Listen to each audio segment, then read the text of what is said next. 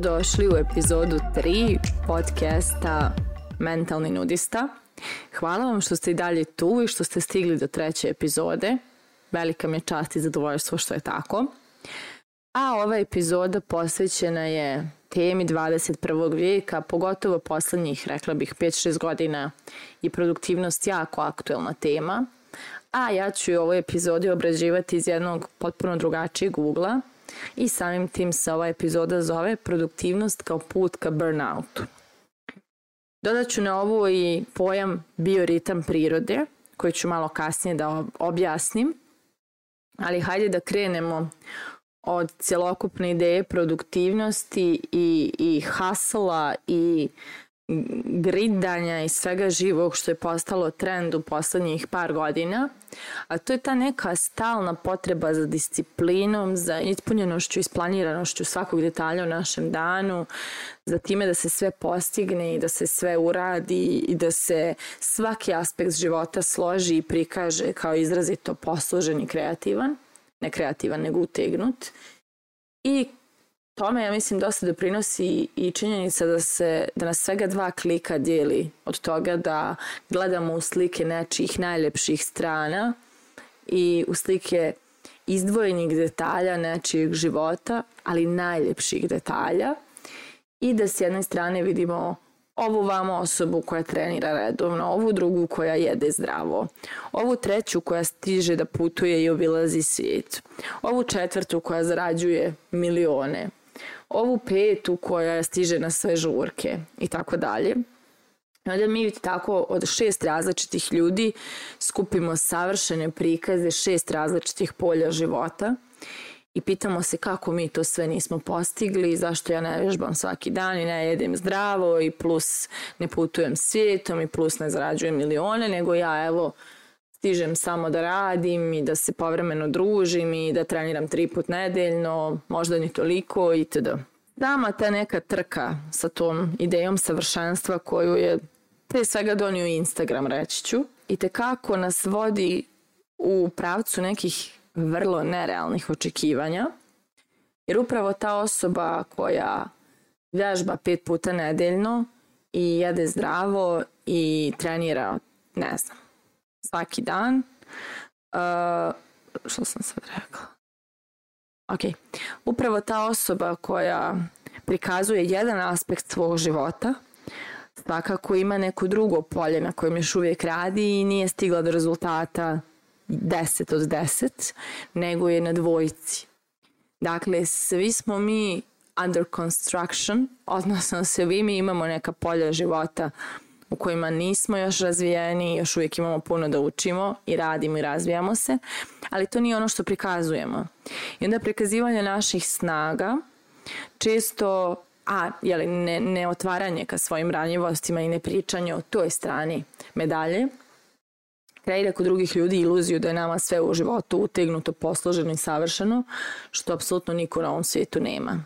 Jer poenta života nije da živimo savršen, pravolinijski, jednostavan život. Mi se nalazimo na planeti dualnosti. Priroda nema linearnu putanju, a mi smo dio prirode, tako da kao što priroda ima i mrak, i dan, i hladno, i toplo, i kišu, i sunce, i, i svašta nešto, i oluju, i, i vedro nebo, tako i u našem životu postoje svi ti aspekti.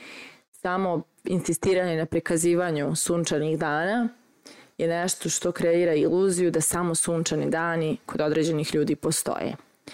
E, ovaj malo duži uvod o svemu tome služio je da poduprem tu ideju potrebe da budemo konstantno produktivni konstantno u akciji, da stalno sebi namećemo neke nove zadatke koje treba da ostvarimo da bismo postigli tu neku iluziju savršenstva i samim tim ne dozvoljavamo sebi da šta? Stanemo. Znači čak i ako binđujemo Netflix i gledamo nešto i pokušavamo se opustimo, u našoj glavi često postoji krivica zašto to radimo i zašto smo beskorisni za Boga i zašto mi sad u ovom trenutku ne radimo nešto korisno za svoju budućnost, za svoje tijelo, za svoj um, za šta god odnose. U svakom slučaju stalno treba nešto da se radi jer stalno mora nešto da se usavršava. A ako to ne radimo, mi smo onda beskorisni i traćimo svoje vrijeme.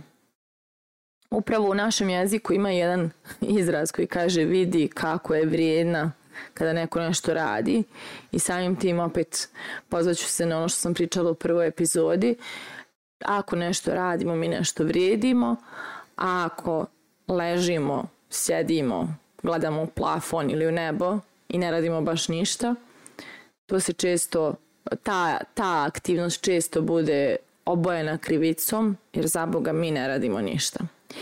E sad, to je sve neka moderna civilizacija donijela i tu poslednjih 20 godina. Jer ako odemo samo jednu generaciju ranije, u mom slučaju moje porodice je to jedna generacija ranije jer su moji roditelji rasli na selu, ali nekom, nekim porodicama je to dve, tri generacije prije nas. Sjetit ćemo se toga da je čovjek nekada dok je živio u selu, živio u prirodi i bio apsolutno usklađen sa bioritmom prirode. To znači da zimi se legalo ranije jer je bio mrak i nije postojalo ništa značajno što može da se radi. Tehnike mobilnih, interneta tada nije baš ni bilo. Tako da kad padne mrak, išlo se u krevet, sa svitanjem se ustajalo. Ako je leto, podrani se da se završi što treba da se po, završi, jer kad je žega ne mogu da se rade neke aktivnosti. A u svakom slučaju postojale su doba dana i doba godine kada je za čovjeka prirodno bilo da stane i ne radi ništa. Prosto ne zato što neće, nego zato što ne može. Jer to je prirodno da postoje doba dana i doba godine kada se staje. Dolazak u gradove, modernizacija, električna energija, internet i sve ostalo su apsolutno promijenili taj bioritam. Tako da mi živimo neki vještački kreiran ritam funkcionisanja gdje zimi kada na, teško ustajemo jer je mrak i hladno je i ne izlazi nam se iz kreveta. Mi ustajemo jer imamo sat koji će nas probuditi i imamo posao koji zahtjeva da se pojavimo u određeno vrijeme u kancelariji. A ako je baš mnogo mračno, imamo i žuta svjetla i bijela svjetla koja će da svijetli nad našim glavama, a koja ni malo pozitivno ne utiču na naš hormonalni balans, o tome možete posebno da istražite. Tako da taj bioritam prirode je potpuno zanemaren i kreiran je neki ritam koji traži stalnu akciju bez umjetnosti stajanja. Ako stanemo, to je određeni dani kad smo na odmoru, a i tad bi valjalo da pročitamo što više ovih nekih knjiga, da se vratimo što pametniji s odmora. Tako da zanemarivanje toga da stanemo i konstantno forsiranje produktivnosti čak i onda kada imamo slobodno vrijeme je apsolutni i direktni put ka burnoutu i ka potpunoj iscrpljenosti i istrošenosti, prije svega emotivnoj, a on, em, emotivno da, o emotivnoj istrošenosti pričam, a zatim i fizičkoj. Tako da, znate i sami onaj period kada koliko god spavali ne možete da se odmorite, E tu se ne radi više ni o fizičkom aspektu umora, tu se radi o ogromnoj emocionalnoj iscrpljenosti koja uglavnom nastaje iz ogromnog disbalansa energetskog, emotivnog i konstantnog nekog uh, forsiranja da se sve postigne, sve uradi, sve, sve zaokruži, sve završi. Baš takav stil života kreira niz nezadovoljnih i, i, i frustriranih ljudi, odnosno samim tim što ne umemo da stanemo, ne umemo da se zaustavimo, ne umemo da dozvolimo sebi da imamo odmor koji je potpuno prazan, tako reći, bez akcije, bez, bez učenja, bez napretka. Samim tim mi uskraćujemo sebi mogućnost da nekad malo i čujemo sebe, da se malo očistimo od svih tih spoljnih uticaja, glasova, informacija, zahtjeva i da prosto samo malo čujemo šta je to u nama. I šta mislite, zašto nam se onda najbolje ideje dešavaju dok smo pod tušem? Zato što smo tad stali, radimo neku mehaničku radnju, često nemamo baš mogućnost da dok se tuširamo visimo na internetu, ili pričamo s nekim, nego smo sami sa sobom i to je onaj čarobni trenutak kada čujemo sebe, a onda i čujemo neke super zamisli koje postoje u nama, a koji ne mogu da dođu na red zato što nestajemo, jer stalno svoj um moramo nečim da popunjavamo, zabavljamo, zaigravamo kako bismo se osjećali produktivnima. Tako da za kraj ove epizode imam za vas jedno pitanje, a to je da li umijete da stanete i uživate u tom stajanju.